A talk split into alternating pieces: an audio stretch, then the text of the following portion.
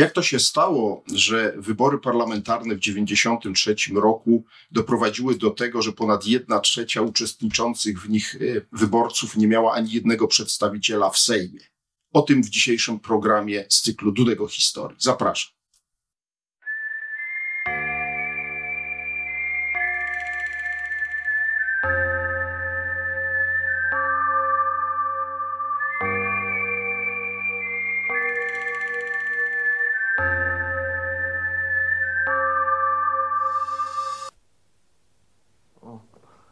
Ten sam problem co ja. Cieszyłeś się, że prezydent rozwiązał parlament, no a teraz trzeba to jakoś złożyć. Już nie wiem, naprawdę nie wiem, co z tym wszystkim zrobić. Na przykład ci z lewej. Wspaniale, bardzo mądre, inteligentne twarze, cudowny program, tylko boję się. Przecież oni nie mają żadnej kopalni złota, nie mają całej kolekcji diamentów. Jak to zrobić? Tego się nie da z dnia na dzień poprawić. Jest jeszcze jedno ryzyko, że oni przez 50 prawie lat mieli pomysł na życie, na wszystko. Czy aby nie wróci to samo? Z kolei ci z prawej. Tych to się naprawdę boję. Oni są nieobliczalni. Bardzo radykalni. Boję się, że przede wszystkim chodzi im po prostu o tak zwaną władzę.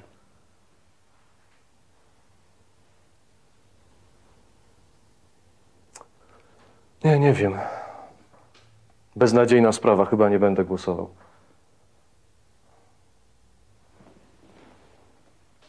Poczekaj, poczekaj. A BBWR? Są bez obciążeń. Z nikim się nie rozwiedli, nikomu nic nie ukradli. No chyba nikt nie przechodzi na drugą stronę ulicy, jak ich zobaczy. Jeśli ktoś może w Polsce stworzyć koalicję trwałą, taką na kilka lat, nie na kilka tygodni, to chyba tylko oni. Chcą zrobić rząd fachowców, niepartyjnych działaczy, fachowców, praktyków, takich jak ich kandydaci do Sejmu i do Senatu, przedsiębiorcy, pracobiorcy, rolnicy, działacze samorządowi. Nie z nich chcą zrobić rząd, bo powiadają poseł na posła do rządzenia fachowiec. Chcą współpracować z prezydentem, dobrze współpracować. To bardzo ważne. Tylu się na tym potknęło. Nie chcemy tych ciągłych wojen na górze. Chcą realizować reformy. Mało jest tak przywiązanych do prywatnej własności i prywatyzacji ugrupowań. To niesłychanie ważne. Wiesz dobrze, że nigdzie na świecie nie zbudowano dobrobytu na państwowych przedsiębiorstwach i państwowym rolnictwie. Chcą prywatyzować szerzej. Chcą dać szansę nie tylko elitom, ale wszystkim. Ten program 300 milionów, jeśli mu się przyjrzysz, zobaczysz, da się zrealizować. Będą wiarygodni za granicą. Tego też nie można lekceważyć. Wciąż musimy pożyczać. Wciąż potrzebujemy zagranicznych kredytów, jeśli chcemy się rozwijać. Dla mnie wystarczy. Ja będę głosował na BBWR. Oczywiście ja się zdeklarowałem, rzucając pomysł BBWR-u i będę wraz z całą rodziną, z tego co wiem, głosował na BBWR. Tu nie ma wątpliwości. I znów nie dlatego, że, że tu jest może naj, najświetniejszy e, program. Oczywiście on jest, dość daleko z nim się utożsamiam, choć, choć parę rzeczy, e, gdybym, gdybym ja miał decydujący głos, to trochę bym inaczej e, zrobił. Ale to nie o to chodzi. Chodzi o to, że pomysł BBWR-u jest potrzebny Polsce z różnych względów, y, z różnych powodów. Y, I w związku z tym ja oddaję się BBWR-owi ze swoim głosem. Spod bezpartyjnego bloku wspierania reform, który obejrzeliśmy, wyjaśnia do pewnego stopnia, dlaczego doszło do wyborów w 1993 roku. Przypomnę, wyborów przedterminowych. Otóż Lech Wałęsa wierzył, że nie tylko jego rodzina poprze BBWR, a więc partię, e, która e, miała reprezentować zwolenników Lecha Wałęsy, ale poprze ich na tyle wielu e, wyborców, że prezydent Wałęsa uzyska w Sejmie większość wspierającą jego politykę. Tak się jednak nie stało. Wałęsa kompletnie nie zrozumiał tego, czego nie zrozumiało także zdecydowana większość wówczas polityków e, obozu dawnej Solidarności, że nastroje społeczne zaczęły się przesuwać na lewo, że rozczarowanie reformami, zwłaszcza reformami gospodarczymi początku lat 90. jest tak duże, że jeśli rzeczywiście dojdzie do skrócenia kadencji y, Sejmu, to najbardziej prawdopodobne jest, że sukces w wyborach odniosą ugrupowania lewicowe, a więc Sojusz Lewicy Demokratycznej i Polskie Stronnictwo Ludowe. No ale cóż, y, Wałęsa uważał inaczej. Co więcej, y, podobnie do niego irracjonalnie zachowywało się wielu y, polityków dawnego obozu solidarnościowego, rozproszonych w wielu mniejszych partii. I kiedy się patrzy na to, co się działo latem 93 roku, już po rozwiązaniu e, Sejmu pierwszej kadencji, można powiedzieć, że mieliśmy do czynienia z jakimś zupełnie irracjonalnym zachowaniem bardzo wielu polityków, którzy uważali, że mają szansę wygrać te wybory, gdy tymczasem w rzeczywistości walczyli o polityczne przetrwanie i większość z nich z tego nie skorzystała. I najlepiej nie sposób dzisiaj opowiedzieć wszystkich tych koalicyjnych negocjacji między poszczególnymi ugrupowaniami, konfliktów, e, podziałów. Powiem o dwóch najistotniejszych podziałach, które sprawiły, że Sejm e, e, drugiej kadencji wyglądał zupełnie inaczej niż mógłby wyglądać, gdyby te formacje doszły do sobą do porozumienia. Otóż przez cały okres lat 91 93 trwała dość ścisła współpraca w Sejmie pierwszej kadencji między Unią Demokratyczną a Kongresem Liberalno-Demokratycznym. Formacje te tworzyły tak zwaną małą koalicję i w ramach tej małej koalicji między innymi odgrywali bardzo istotną rolę, współtworząc szerszą koalicję, na której opierał się rząd Hanny Suchocki. Ale kiedy przyszło do rozmów e, e, na temat wspólnej listy wyborczej, nagle okazało się, że zwłaszcza liberałowie z KLD obawiali się silniejszej Unii Demokratycznej. Donald Tusk, który był w tym czasie liderem KLD, powiedział, że no, grozi nam y, całkowite całkowita utrata naszej liberalnej tożsamości, roztopimy się w tym szerszym obozie Unii Demokratycznej. W związku z tym jednak pójdziemy osobno. W Unii Demokratycznej zresztą wielu się to podobało, bo uważali, że y, y, KLD jest zbyt obciążony E, odpowiedzialnością za różnego rodzaju afery gospodarcze. To sformułowanie liberały, aferały wtedy było już niezwykle popularne. E, no i cóż, e, rozpoczęła się kampania wyborcza obu tych ugrupowań, każde działało odrębnie. I obejrzmy teraz najpierw spoty Kongresu Liberalno-Demokratycznego. Ta autostrada jest tak smutna jak ta pogoda. Budowali tę autostradę gospodarczy biurokraci. Budowało ją socjalistyczne państwo urzędnik i państwo to nie są najlepsi gospodarze. Najlepszym gospodarzem jest prywatny przedsiębiorca. Ale niektóre przedsięwzięcia, takie choćby jak dokończenie tej autostrady, jak budowa nowych autostrad, wymaga opieki państwa, rozsądnej i umiarkowanej. Wymaga źródeł finansowania. Z tego będą dobre rozwiązania komunikacyjne, będą nowe miejsca pracy. Liberałowie wiedzą, jak zdobyć źródła finansowania, wiedzą, jak rozsądnie i spokojnie używać państwa do gospodarczych przedsięwzięć. Z takiego parkingu jak ten ginie codziennie jeden samochód. Na ulicach i chodnikach Warszawy codziennie ktoś jest okradany, ktoś jest napadany. Liberałowie nie wierzą w to, że państwo rozwiąże wszystkie problemy. Wierzymy jednak, że państwo musi zapewnić ład publiczny i porządek na ulicach. To jest to, do czego państwo jest zobowiązane. Bezpieczeństwo obywateli. Na to nie może zabraknąć pieniędzy. Spróbuj ochronić dom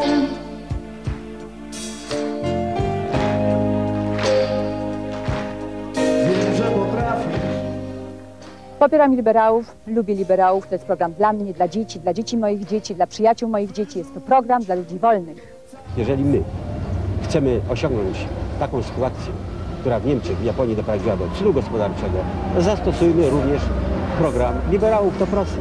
No jeżeli już robić ten skok na głęboką wodę, no to wydaje mi się, że trzeba go robić z poważnymi ludźmi, a budzą ci panowie moje zaufanie. Myślę sobie, że kiedyś ta widownia się zapełni ludźmi, którzy właśnie postanowili, e, e, żeby sobie dać pracę, innym dać pracę, wzbogacić się i zacząć korzystać z dóbr kultury. Trzymam z liberałami. Kochane dzieci, czy chcecie oglądać polskim do przyszłości Kaczora, Donalda, to sprawdźcie, czy rodzice nie chcą przypadkiem głosować na jakieś paskudne zwierzątko.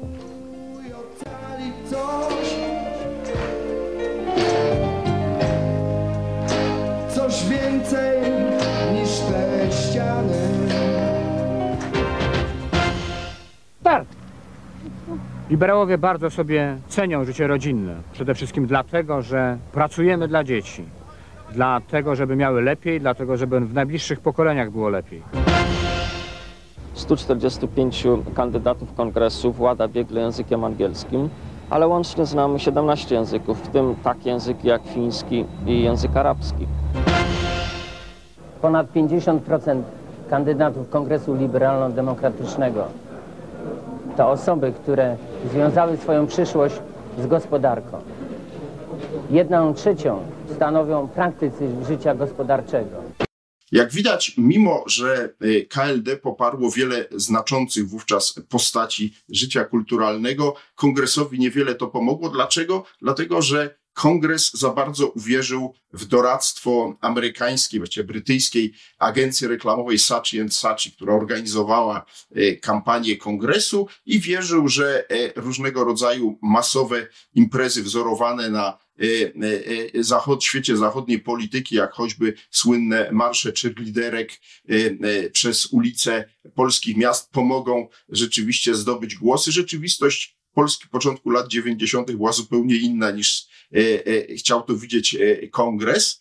Co więcej, na pewnym etapie w Unii Demokratycznej zdano sobie sprawę, że w istocie rzeczy kongres może nie przekroczyć progu wyborczego. Bowiem to, o czym powinienem był powiedzieć już na wstępie, to nowa ordynacja wyborcza. Otóż skąd się brały te problemy wszystkich tych ugrupowań, e, e, o których już powiedziałem i o których zaraz opowiem, otóż z prowadzenia e, nowej ordynacji wyborczej. W maju 93 roku, a więc dokładnie nawet tego samego dnia, kiedy Sejm przegłosował wotum nieufności dla rządu Hanny Suchockiej, uchwalono nową ordynację do Sejmu.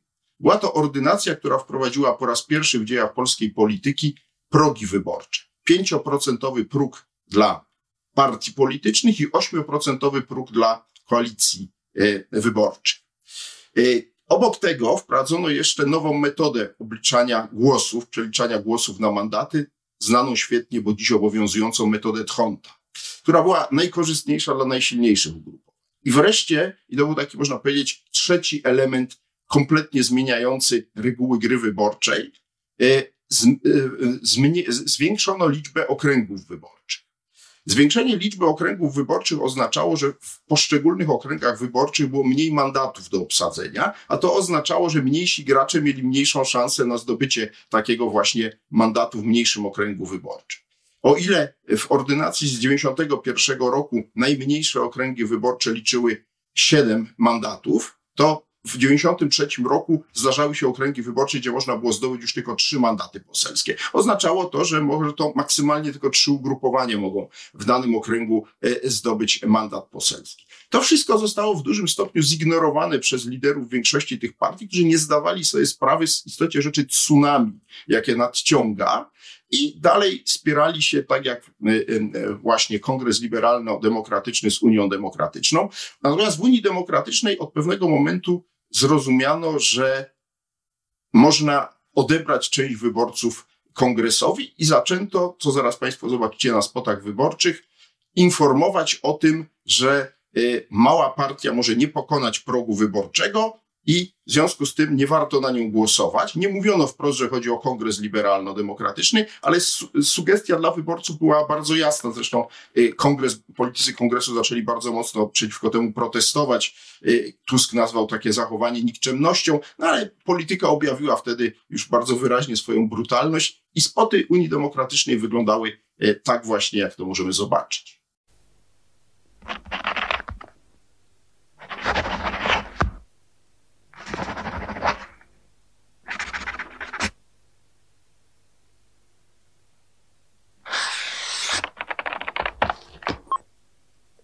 Szanowni Państwo, chcieliśmy dzisiaj z Państwem mówić o Konstytucji, o organizacji polityki, o demokracji i wolności, o rozdziale Kościoła od państwa na zasadzie autonomii, słowem o dobrym państwie.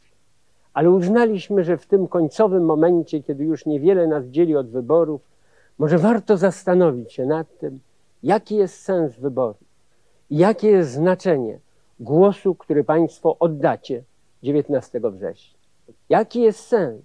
To znaczy, o co chodzi w tych wyborach? Wybory mają wyłonić parlament, a parlament ma wyłonić rząd. I tak naprawdę to pierwszy problem jest, kto będzie ten rząd tworzył. Czy pan Aleksander Kwaśniewski, czy pan Waldemar Pawlak, czy pani Hanna Suchocka. I to jest problem nie tylko wyboru osoby, ale także wyboru pewnej polityki, kontynuacji tego, co można kontynuować, czyli zachowania tego, co się nam udało i jednocześnie jasnego programu, co chcemy zrobić i jak chcemy zrobić. I dzisiaj chcielibyśmy to właśnie powiedzieć. Sens wyborów, program Unii Demokratycznej, ludzie, którzy chcą i państwu proponują, że to zrobią, jeżeli zaufanie uzyskają.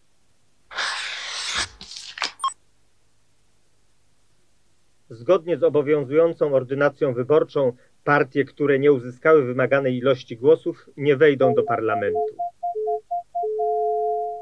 Głos oddany na partię, która nie wejdzie do parlamentu, jest głosem straconym. Głosuj na dużą partię.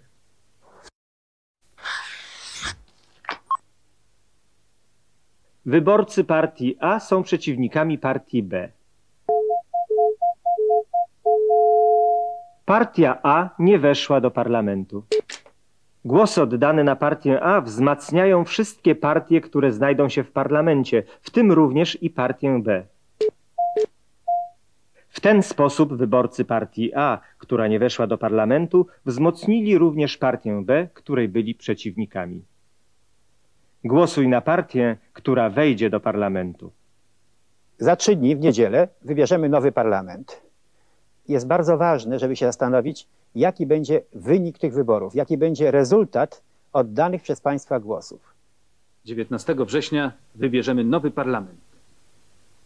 Zgodnie z przewidywaniami znajdzie się w nim kilka ugrupowań, które zdołają przekroczyć wyznaczony przez ordynację próg. W Sejmie znajdą się różne skrajne partie, niewielka ilość mniejszych ugrupowań i partie środka. Otwarte, potrafiące współpracować z innymi. Powołanie sprawnego i stabilnego rządu będzie podstawowym zadaniem nowego Sejmu. Jakie szanse ma na to taki parlament? Żadne z ugrupowań nie ma większości wystarczającej do powołania stabilnego rządu. Partie, które będą w stanie to osiągnąć, to tylko te, które potrafią porozumieć się z innymi. Im więcej dostaną one głosów, tym większa będzie szansa na zbudowanie sprawnego i stabilnego rządu. Droga z urn wyborczych prowadzi właśnie tutaj, na ulicę Wiejską, do gmachu parlamentu. Tego gmachu.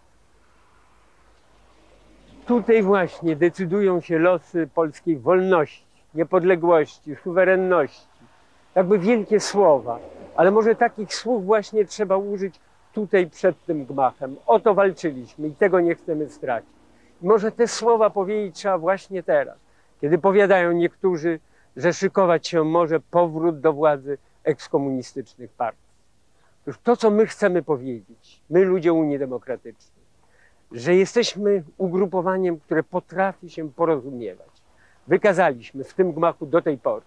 Porozumieliśmy się z ZHN-em. Było to porozumienie, proszę wierzyć, bolesne, jakby z konieczności. Porozumiewaliśmy się także z tymi, którzy byli nam najbliżsi programowo, z liberałami, z Kongresem Liberalno-Demokratycznym. I teraz problem, jaki staje, to jest ten, co my potrafimy zrobić w parlamencie. Jesteśmy otwarci na porozumienie, jesteśmy otwarci na rozmowy z wszystkimi, ale sukces tych rozmów i znaczenie nasze zależy od tego, ile otrzymamy głosów.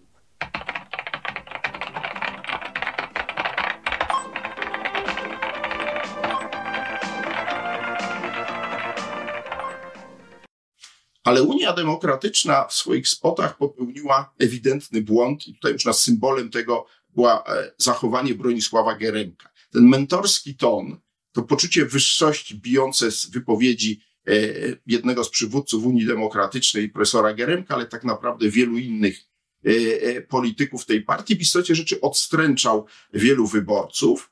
Mało tego, wydaje się, że wydaje się, że wielu z nich miało poczucie rozczarowania generalnie, uznając, że Unia Demokratyczna jest tą formacją najbardziej odpowiedzialną za e, porażki, porażki e, ży, poziomu życia, w zakresie poziomu życia e, na początku lat 90. Dlaczego? No bo wprawdzie Leszek Balcerowicz bardziej utożsamiał się w tym czasie z Kongresem Liberalno-Demokratycznym niż z Unią Demokratyczną, ale to właśnie Unii Demokratycznej w dużym stopniu słusznie przypisywano przemożny wpływ na działalność kolejnych rządów, od rządu Tadeusza Mazowieckiego aż po rząd Hanny Suchockiej. Może z krótkim wyjątkiem rządu Jana Olszewskiego, w którym rzeczywiście Unii Demokratycznej nie było.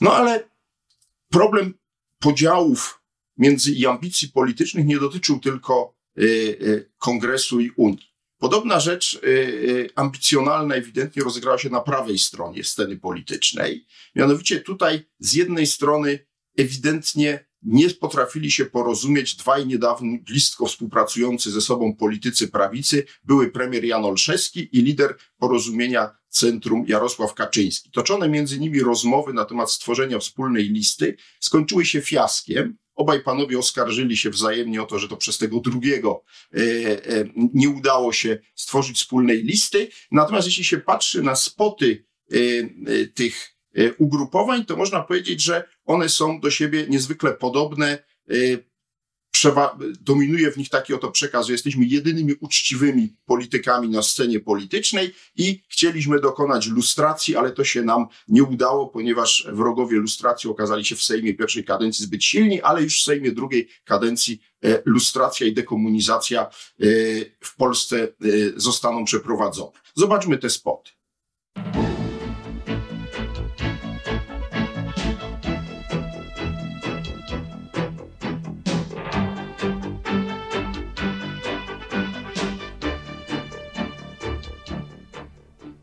Koalicja dla Rzeczypospolitej ma przygotowany własny projekt systemu emerytalnego. Projekt oparty jest na funduszach celowych, niezależnych od kaprysów budżetu. Fundusze kontrolowane będą przez samych zainteresowanych, to jest emerytów. Gwarantuje to uczciwość i stabilność zasad oraz daje poczucie bezpieczeństwa socjalnego. System zawiera mechanizmy umożliwiające obniżanie składek i podwyższanie świadczeń. Zmusza pracodawców do solidności i uczciwości wobec pracowników.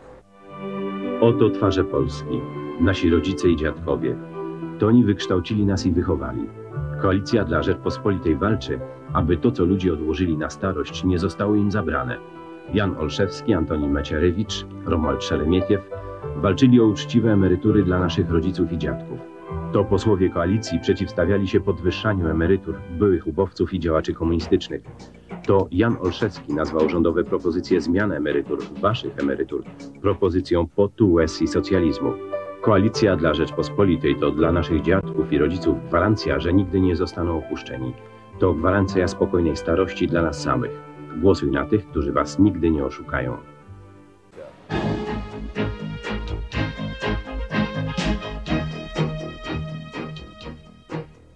Ludzkie ręce mogą dawać szczęście, mnożyć bogactwo, pomagać. Polsce potrzeba rąk pracowitych, troskliwych, sprawnych. Polsce potrzeba rąk czystych, rąk dających oparcie, budzących zaufanie. Ale dzisiejsza Polska to raj dla tych, którzy chcą tylko brać, oszukiwać i trwonić. Zmienić to mogą ci, których ręce są czyste, Powierzmy los Polski ludziom o czystych rękach. Głosuj na koalicję czystych rąk. Lista numer 15. Polska jest krajem katolickim, ale w tym kraju zapomina się o zasadach katolickiej nauki społecznej, takich jak zasada godziwej płacy za pracę, która pozwoliłaby pracownikowi utrzymać siebie i jego rodzinę, jak zasada upowszechnienia własności, która wyklucza dwa przeciwstawne bieguny nędzy i bogactwa, jak zasada walki z bezrobociem jako złem moralnym. To są zasady, które powinny określać każdą uczciwą reformę gospodarczą w Polsce.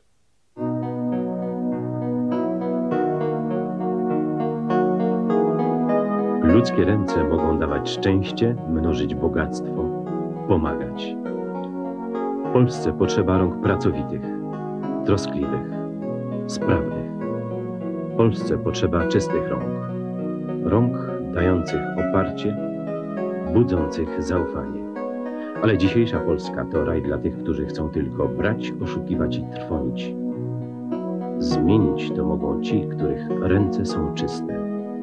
Powierzmy los Polski ludziom o czystych rękach. Głosuj na koalicję czystych rąk. Lista numer 15. Na kogo głosować? Na listę numer jeden. Dlatego, że Polska potrzebuje zmiany. Odsunięcia od władzy raz na zawsze udecji liberałów, komunistów i Wałęsy. Przekreślenia w ten sposób układu, który dławi dziś energię milionów Polaków. Tylko my potrafimy to zrobić. Dlatego, że dotrzymujemy słowa. Nie pękamy, gdy pękają inni. Dlatego, że jesteśmy skuteczniejsi od Szewskiego, uczciwsi niż Moczulski, bardziej realistyczni niż Korwin-Mikke. Nie wierzcie Państwo w spreparowane sondaże. Są ostatnim ratunkiem tych, którzy te wybory przegrają sromotnie. Za pół roku, po uchwaleniu nowej konstytucji, usuniemy Wałęsę z urzędu prezydenta. Wałęsa zdradził, osłania komunistów, toleruje rozkradanie Polski, nic nie robi. Zdrada Wałęsy przypieczętowała zmowę komunistów z grupą Geremka, Mazowieckiego, Michnika i Lityńskiego, zawartą w przeddzień Okrągłego Stołu. Przeszłość podkreślamy grubą linią. Odpieprz się może, co? Mo- Może się odpieprz od generała teraz. Generałom bezpieki, komunistycznym zbrodniarzom nie spadł włos z głowy. Do spółki z Udecją, liberałami i Wałęsą mają dziś wszystko. Wille, banki, służby specjalne, prasę, telewizję, prywatyzację. Gdy przyszedł dzień, w którym można było zerwać definitywnie z przeszłością, na ich stronę przeskoczył jeszcze Moczulski. Zdradziło wielu. Wielu nie przeskoczyło własnego życiorysu. Tacy ludzie nie mogą rządzić Polską. Porozumienie Centrum ma ludzi nowych, dynamicznych, wykształconych. Antoni Tokarczuk, Adam Lipiński z Wrocławia, Ludwik Dor, Krzysztof Tchórzewski. Byliśmy jedynym dużym klubem bez kapusiów bezpieki. Nikt z nas nie głosował na dwie ręce. Mamy moralne prawo i zdolności przeprowadzenia zmian w Polsce. Zbudujemy nowe, sprawne państwo z radykalnie ograniczoną biurokracją, bez aferzystów, łapówkarzy i kapusiów komunistycznej bezpieki. Polska może stać się bezpiecznym i szczęśliwym krajem, bez złodziejstwa, kłamstwa i niepewności jutra. Głosuj na porozumienie Centrum Zjednoczenie Polskie. Listę numer jeden. Spotykaliśmy się przez 12 dni. W setkach listów i telefonów mówili Państwo, że była to prawdziwie wolna telewizja. Dziękujemy. O tym, czy będziemy spotykać się dalej, zadecyduje 19 września. Głosujcie Państwo na listę numer jeden.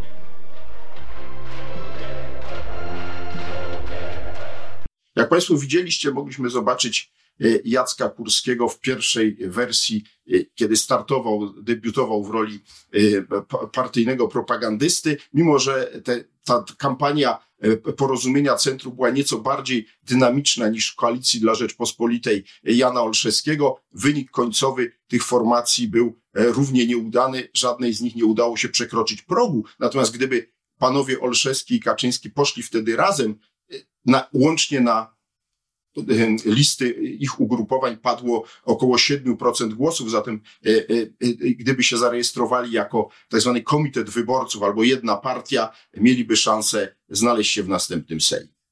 Odrębnie zupełnie od PC i Koalicji dla Rzeczpospolitej poszła do wyborów, poszło do wyboru Zjednoczenie Chrześcijańsko-Narodowe.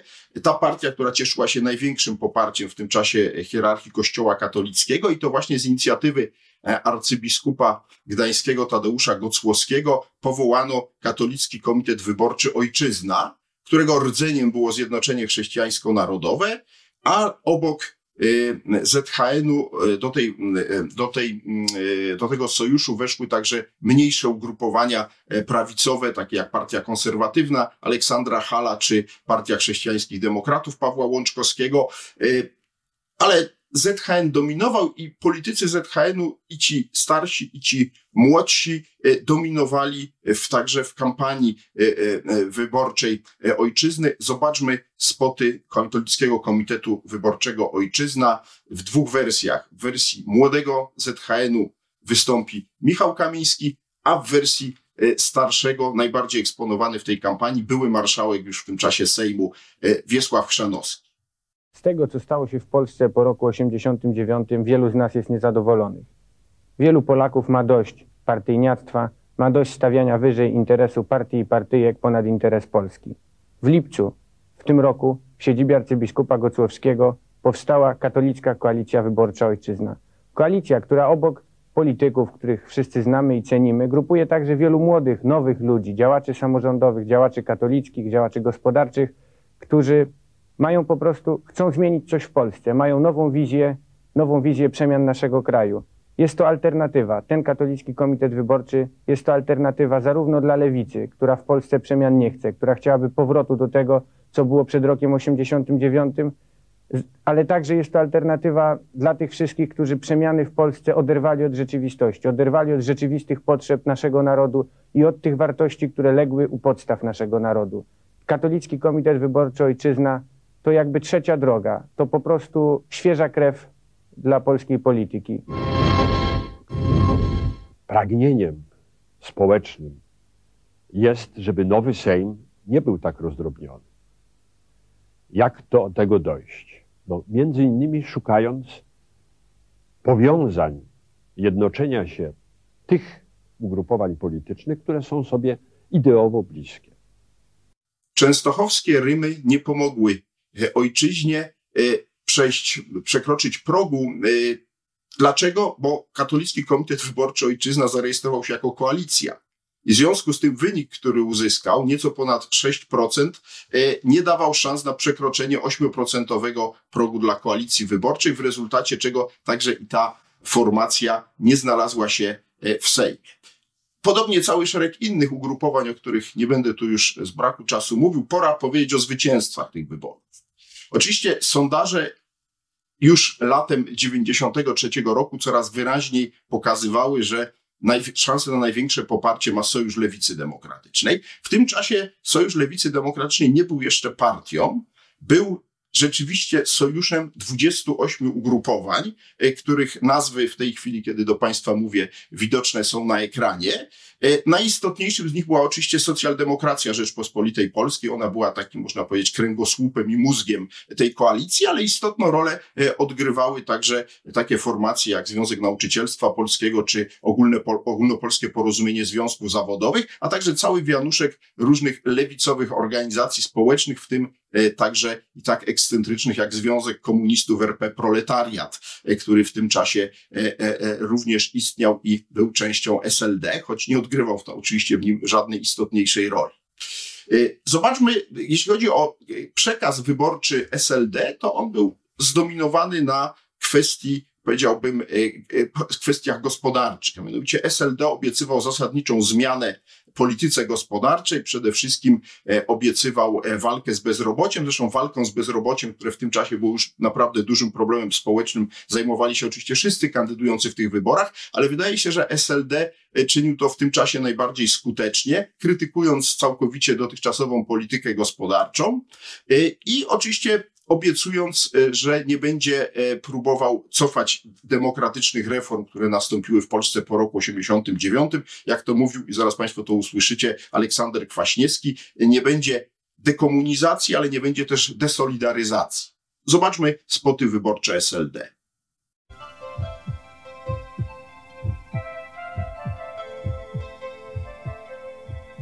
Serce masz po lewej stronie.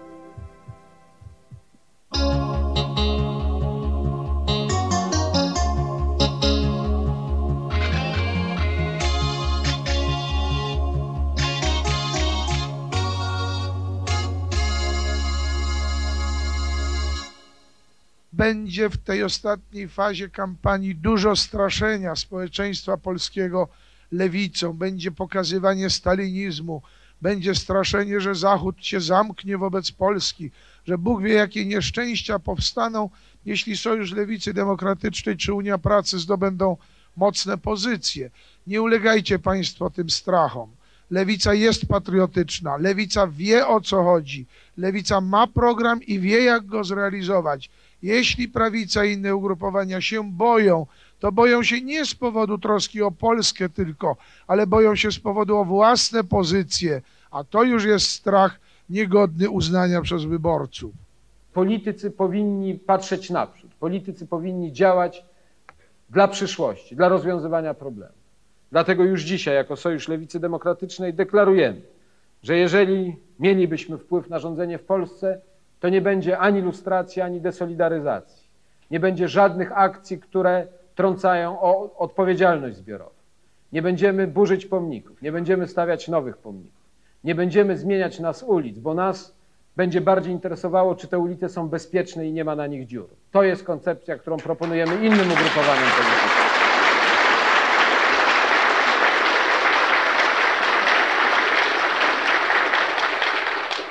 Proponujemy zasadę pragmatyzmu, a więc spierania się o sprawy zasadnicze, unikania tematów zastępczych. Uważamy, że dzisiaj trzeba poświęcić wiele czasu i wykazać wielką mądrość i gotowość do kompromisu, żeby rozwiązać problem bezrobocia, ożywić gospodarkę, ożywić budownictwo mieszkaniowe, zwiększyć eksport, zbudować silną pozycję naszego kraju w Europie.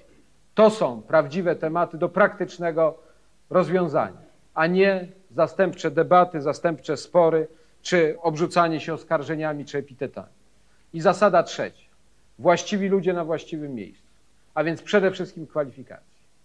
Już dzisiaj możemy obiecać, że gdybyśmy mieli wpływ na rządzenie, nie będziemy patrzeć, kto z jaką legitymacją przychodzi. Czy PZPR-u, czy ZSL-u, czy SD, czy Solidarności, czy Solidarności 80, czy ZHN.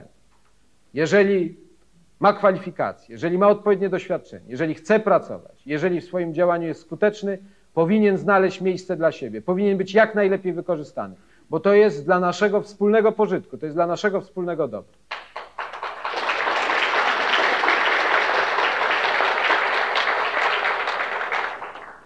Wiele Państwa pytań dotyczy istoty programu gospodarczego SLD. Gdybym miał go streścić w kilku tezach, to powiedziałbym tak. Po pierwsze, walka z bezrobociem. Po drugie, rozruszać koła zamachowe gospodarki. Po trzecie, dla rolnictwa uczciwa, stabilna polityka. Po czwarte, polityka społeczna, autentyczna polityka społeczna zamiast przysłowiowych zupek. Po piąte, Polska ponownie krajem ludzi uczących się. I wreszcie po szóste, prywatyzacja, tak, ale bez szkodliwych dogmatów. To są oczywiście hasła, ale za tymi hasłami jest program, który wielokrotnie przedstawialiśmy w ostatnim czasie i który posiadamy od przeszło dwóch lat. W tym programie są konkrety, są szczegóły. Musimy oczywiście powiedzieć także, skąd środki na realizację tego programu. Chcemy jasno powiedzieć. Rozwój gospodarczy, sięgnięcie do szarej strefy, sięgnięcie do pieniędzy wyciekających między palcami. To wymaga pewnych nakładów, ale to się opłaci. I wreszcie ograniczenie wydatków, ale na rzeczy zbędne. Ostatnie rewelacje o Funduszu Restrukturyzacji Oddłużenia Rolnictwa, o marnotrawstwie pieniędzy tam przeznaczonych, o wydatkach reprezentacyjnych najwyższych organów państwowych, o rozroście administracji. To wszystko wskazuje, że tam również można znaleźć oszczędności. Program, który proponujemy, jest programem realistycznym. Od państwa zależy, czy będzie on mógł być realizowany. Do radykalnej zmiany dotychczasowej polityki gospodarczej odwoływało się także Polskie Stronnictwo Ludowe, ale nie na tym polegała nowatorskość kampanii PSL-u w tamtych wyborach.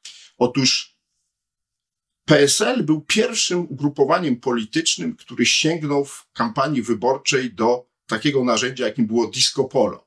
I oto w kampanii PSL-u y, wystąpił y, nie kto inny jak Bogdan Smoleń i wykonał y, kapitalny utwór, który zaraz Państwo zobaczycie na spocie wyborczym PSL-u, a warto zwrócić też uwagę na treść tej piosenki, bo ona, można powiedzieć, w pełni wyrażała to przekonanie ludowców, że miastowi, w bankach zwłaszcza, E, gdzie robią duży szmal, chcą nas zniszczyć, my musimy się temu przeciwstawić. I jak mówił e, e, Pawlak, nie będziemy za innymi nosić teczki. Zobaczmy spot PSL.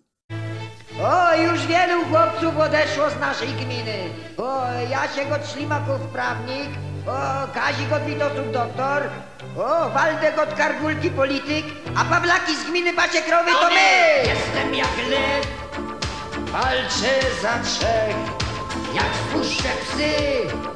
to gmina drży. Za oknami zboża łan, w domu woda, boiler, kran. Za oknami wściekłe psy, w domu ojciec wiecznie zły. W bankach robią duży szmal, kredyt, procent, dzieci żal. W bankach robią konia nas, w stajniach więcej nas niż was.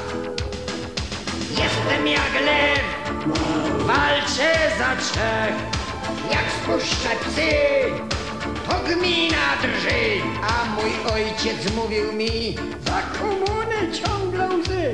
A mój ojciec radził tak, Polska krzyczy żarcia brak. Tak niewiele było brak, żona, traktor, Ford, hatchback. Tak niewiele marzy się, a tu ciągle kurna źle.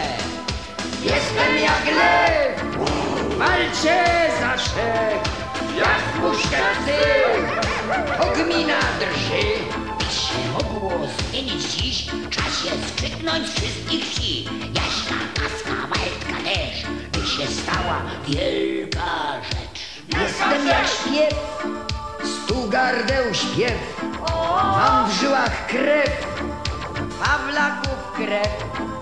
Jestem jak śpiew, stu gardeł śpiew, mam w żyłach krew, Pawlaków krew. Jestem jak śpiew, stu gardeł śpiew, mam w żyłach krew, Pawlaków krew. Jaka przyszłość nas czeka? Czy pogrążymy się w bałaganie, chaosie? Czy za innymi teczkę będziemy nosić? Czy zbudujemy samodzielny kraj, zdrową gospodarkę, spokojną przyszłość każdego z nas? Na tysiącach spotkań i wieców Polskie Stronnictwo Ludowe prowadzi rozmowy o Polsce, o ludzkich troskach i nadziejach. Czasem z goryczą, ale bez złości i nienawiści. Ludzie PSL przyjmowani są wszędzie jak swoi. Przyszła bieda i trzeba sobie pomagać. Teraz musimy być razem. Nie możemy zmarnować szansy na życie lepsze. Te szanse dają nam wybory. 19 września.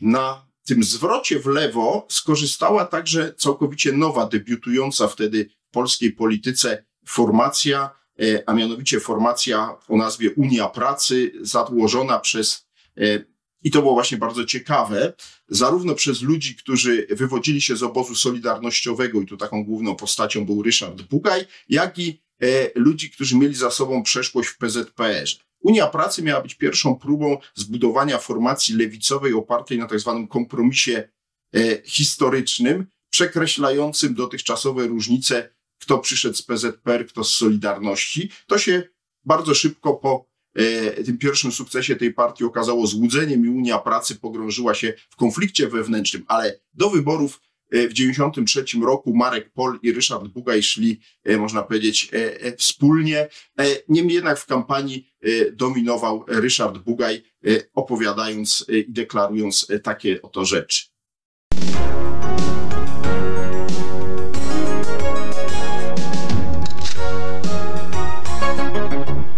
Cztery lata temu Solidarność odniosła wielkie zwycięstwo. Myślę, że byliśmy wśród tych, którzy się do tego zwycięstwa przyczynili.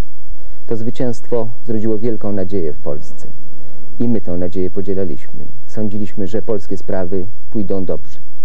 Szybko jednak okazało się, że wielu ludzi jest rozczarowanych, że wiele problemów nie jest rozwiązanych. Staraliśmy się poszukiwać powodów, dla których się tak dzieje. Sądzimy, że głównym powodem jest to, że te wartości roku 80 zostały przez nowe elity polityczne porzucone. Sądzimy jednak, że te wartości są aktualne. Sytuacja Polski jest bardzo trudna, dlatego Unia Pracy nie składa łatwych obietnic. Wiemy, że nie ma prostych recept. Unia Pracy nie chce także rewolucji. Cele polskich zmian w pełni akceptujemy. I prywatyzacja, i gospodarka rynkowa to procesy, które trzeba kontynuować. Natomiast można i należy robić to inną metodą, inną drogą. Wówczas koszty, jakie ponosi polskie społeczeństwo, będą mniejsze. Wówczas droga nasza będzie krótsza. Sprawą centralną dzisiaj jest dla nas kwestia bezrobocia i budżetu państwa. Od tego zależy sytuacja milionów Polaków. te kwestie przenikają przez cały program gospodarczy Unii Pracy. W istocie rzeczy, podobnie jak Ryszard Bugaj, próbowali e, e, przekonywać do swojego programu gospodarczego politycy Konfederacji Polski Niepodległej. Lider KPN-u Leszek Moczulski, mimo porażki, e, jaką odniósł w wyborach prezydenckich w roku 90, był przekonany, że wynik, dobry wynik wyborczy KPN w 91 roku, e, kiedy przypomnę, ta partia zdobyła 50 e, mandatów poselskich, otworzy KPN-owi drogę do zwycięstwa. Myślenie Moczulskiego w tamtym okresie i innych liderów KPN było takie. Najpierw komuniści się skompromitowali, Później skompromitował się obóz solidarnościowy, teraz pora na Konfederację Polski Niepodległej, która e, e, jest tą formacją, która jest w stanie zaproponować politykę tak zwanej trzeciej drogi, opartą na daleko idącym interwencjonizmie państwa. Co ciekawe, KPN, który był po wyborach w 1991 roku miał silne poparcie w miastach, uznał, że w roku 93 może postawić i rozszerzyć swoje wpływy na polską wieś. Dlatego niektóre ze spotów KPN-u bardzo mocno, jak ten, który zaraz zobaczymy, dotyczyły tematyki polskiej wsi.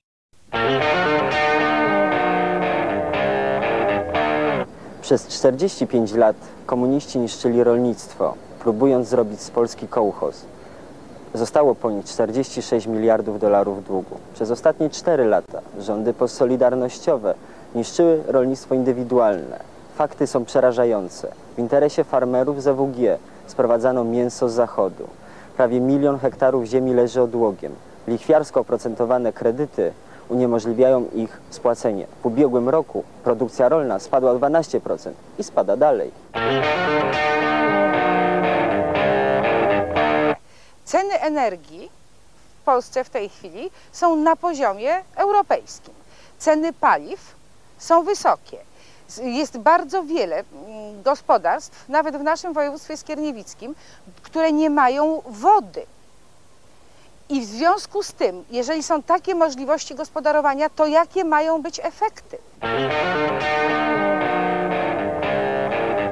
Pieniądze na to są. Są to te same pieniądze które w tej chwili Polska przeznacza na zakup zboża czy mięsa za granicą. My wolimy te pieniądze przeznaczyć jako subwencje dla rolnictwa. Monopol tytoniowy stanowi źródło utrzymania dla 120 tysięcy rodzin polskich rolników. To także utrzymanie dla kilkudziesięciu tysięcy polskich robotników. A wreszcie to 30 bilionów złotych co roku dla Skarbu Państwa. Mamy gotową koncepcję wprowadzenia monopolu tytoniowego jako holdingu państwowego powierniczego, a więc zrzeszenia przedsiębiorstw. Podobnie będzie się działo z wprowadzeniem monopolu spirytusowego, który daje jeszcze o wiele większe zyski. Uzyskamy więc około 100 bilionów złotych, które możemy spokojnie przeznaczyć na cele rolnicze. Realizacja antyrecesyjnego programu gospodarczego KPN przyniesie wiele korzyści dla rolnictwa. Dziwi tylko fakt podejścia do niego ugrupowań ludowych. Większość posłów Porozumienia Ludowego i Polskiego Stronnictwa Ludowego głosowała przeciwko niemu. Gdyby ta uchwała została wtedy przyjęta, dzisiaj rząd polski musiałby zadbać o to, ażeby produkcja rolna w Polsce była opłacalna, a rolnik miał możliwość sprzedania produktów rolnych.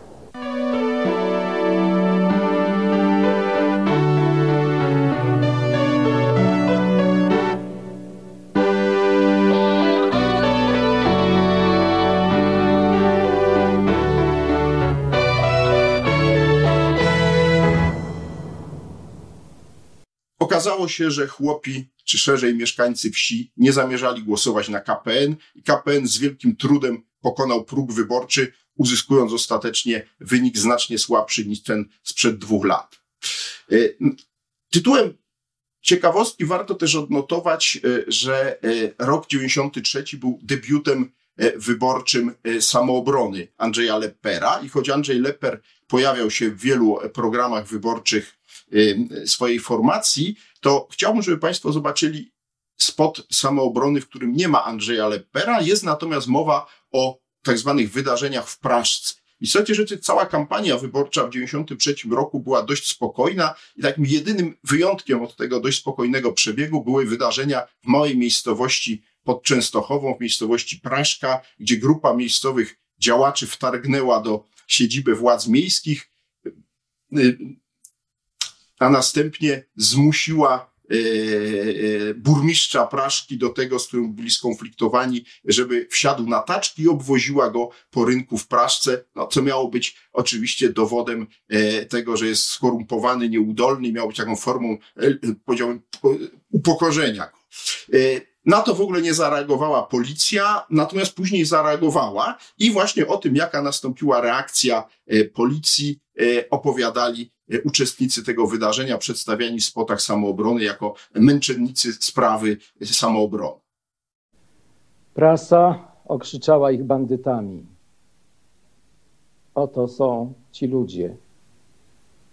Skuto ich w kajdanki, wywleczono nocą, odbywali przez 24 dni karę więzienia wspólnie z kryminalistami. Żadne działania prawne nie dawały rezultatu. Dopiero ośmiodniowa głodówka przyniosła im wolność. Za to, że chcieliśmy władze gminne nakłonić do faktycznego działania i pomocy biednym i bezrobotnym. Podstępnie i brutalnie wyleczono nas z mieszkań o świcie, potraktowano jak najgorszych przestępców. Wywieziono nas do więzień, gdzie osadzono z pospolitymi przestępcami. Czy tak może być w wolnej Polsce? Pan były burmistrz był naszym kolegą z lat 70., z lat stanu wojennego, z lat 80. Był jednym z naszych najlepszych ludzi, członków Komitetu Obywatelskiego i w okresie kiedy reaktywowaliśmy Solidarność, został obwołany przez nas burmistrzem. Z czasem z naszego społeczeństwa się wyalienował, nie chciał z nami rozmawiać. 2500 ludzi w 8000 miasteczku, bezrobotnych ludzi, głodnych, uznał za persona non grata, za ludzi niepotrzebnych, nie miał dla nich nic do zaoferowania. Artykuł 217 musi być zmieniony, gdyż ma taki gumowy zapis, że można każdego aresztować, którego czyn prokurator uzna za społecznie niebezpieczny. Jak widzimy, ten spot y, y, samoobrony, choć bardzo sugestywny, nie bardzo pomógł tej formacji. Lepper, podobnie jego samoobrona, jak y, cały wianuszek innych organizacji, o których tu mówiłem, a także o których nie mówiłem, nie zdołały y, przekroczyć y, progu wyborczego, który zadziałał w tamtych wyborach jak gilotyna. 34% głosów oddanych w tamtych wyborach nie przełożyło się na mandaty. W rezultacie te ugrupowania, którym ta sztuka się udała, uzyskały niezwykłe wzmocnienie. E, w przypadku Sojuszu Lewicy Demokratycznej Polskiego Stronnictwa Ludowego to wzmocnienie sięgało niemal podwojenia reprezentacji parlamentarnej w stosunku do procenta uzyskanych głosów. A zatem Sojusz Lewicy Demokratycznej, na który głosowało niewiele ponad 20% wyborców, dysponował 38% e, mandatów w Sejmie. Szczegółowe wyniki wyborów widzicie Państwo teraz na ekranie w formie tabeli. I warto tu zwrócić uwagę na tą długą listę ugrupowań, które właśnie się składają na te 34%, które nie uzyskały miejsc w Sejmie. W Sejmie znalazło się jedynie sześć ugrupowań. Dzisiaj powiedzielibyśmy, że to właściwie jest grubsza normalna sytuacja, ale pamiętajmy, że w poprzednim Sejmie tych ugrupowań było ponad 20. Była to więc zasadnicza zmiana, i tą zasadniczą zmianę jako pierwszy musiał odczuć człowiek, który doprowadził do tych przedterminowych wyborów e, parlamentarnych, czyli Lech Wałęsa, który nagle e, musiał stanąć nie wobec Sejmu niezwykle rozproszonego, ale wobec Sejmu, e, w którym tak naprawdę dość szybko ukształtowała się bardzo silna większość i następne dwa lata polskiej polityki wypełniła walka prezydenta Wałęsy z tą E, sejmową większością, którą ostatecznie stworzyły Sojusz Lewicy Demokratycznej i Polskie Stronnictwo Ludowe. Ale o tym, jak ta czerwono-zielona koalicja wyglądała e, i dlaczego e, początkowo premierem nie został przedstawiciel najsilniejszego z tych, silniejszego z tych ugrupowań, a więc SLD, o tym już opowiem w jednym z kolejnych programów z cyklu Dudego Historii. Dziś Państwu dziękuję za uwagę i niezmiennie proszę o wspieranie tego kanału na różne możliwe sposoby. Dziękuję bardzo.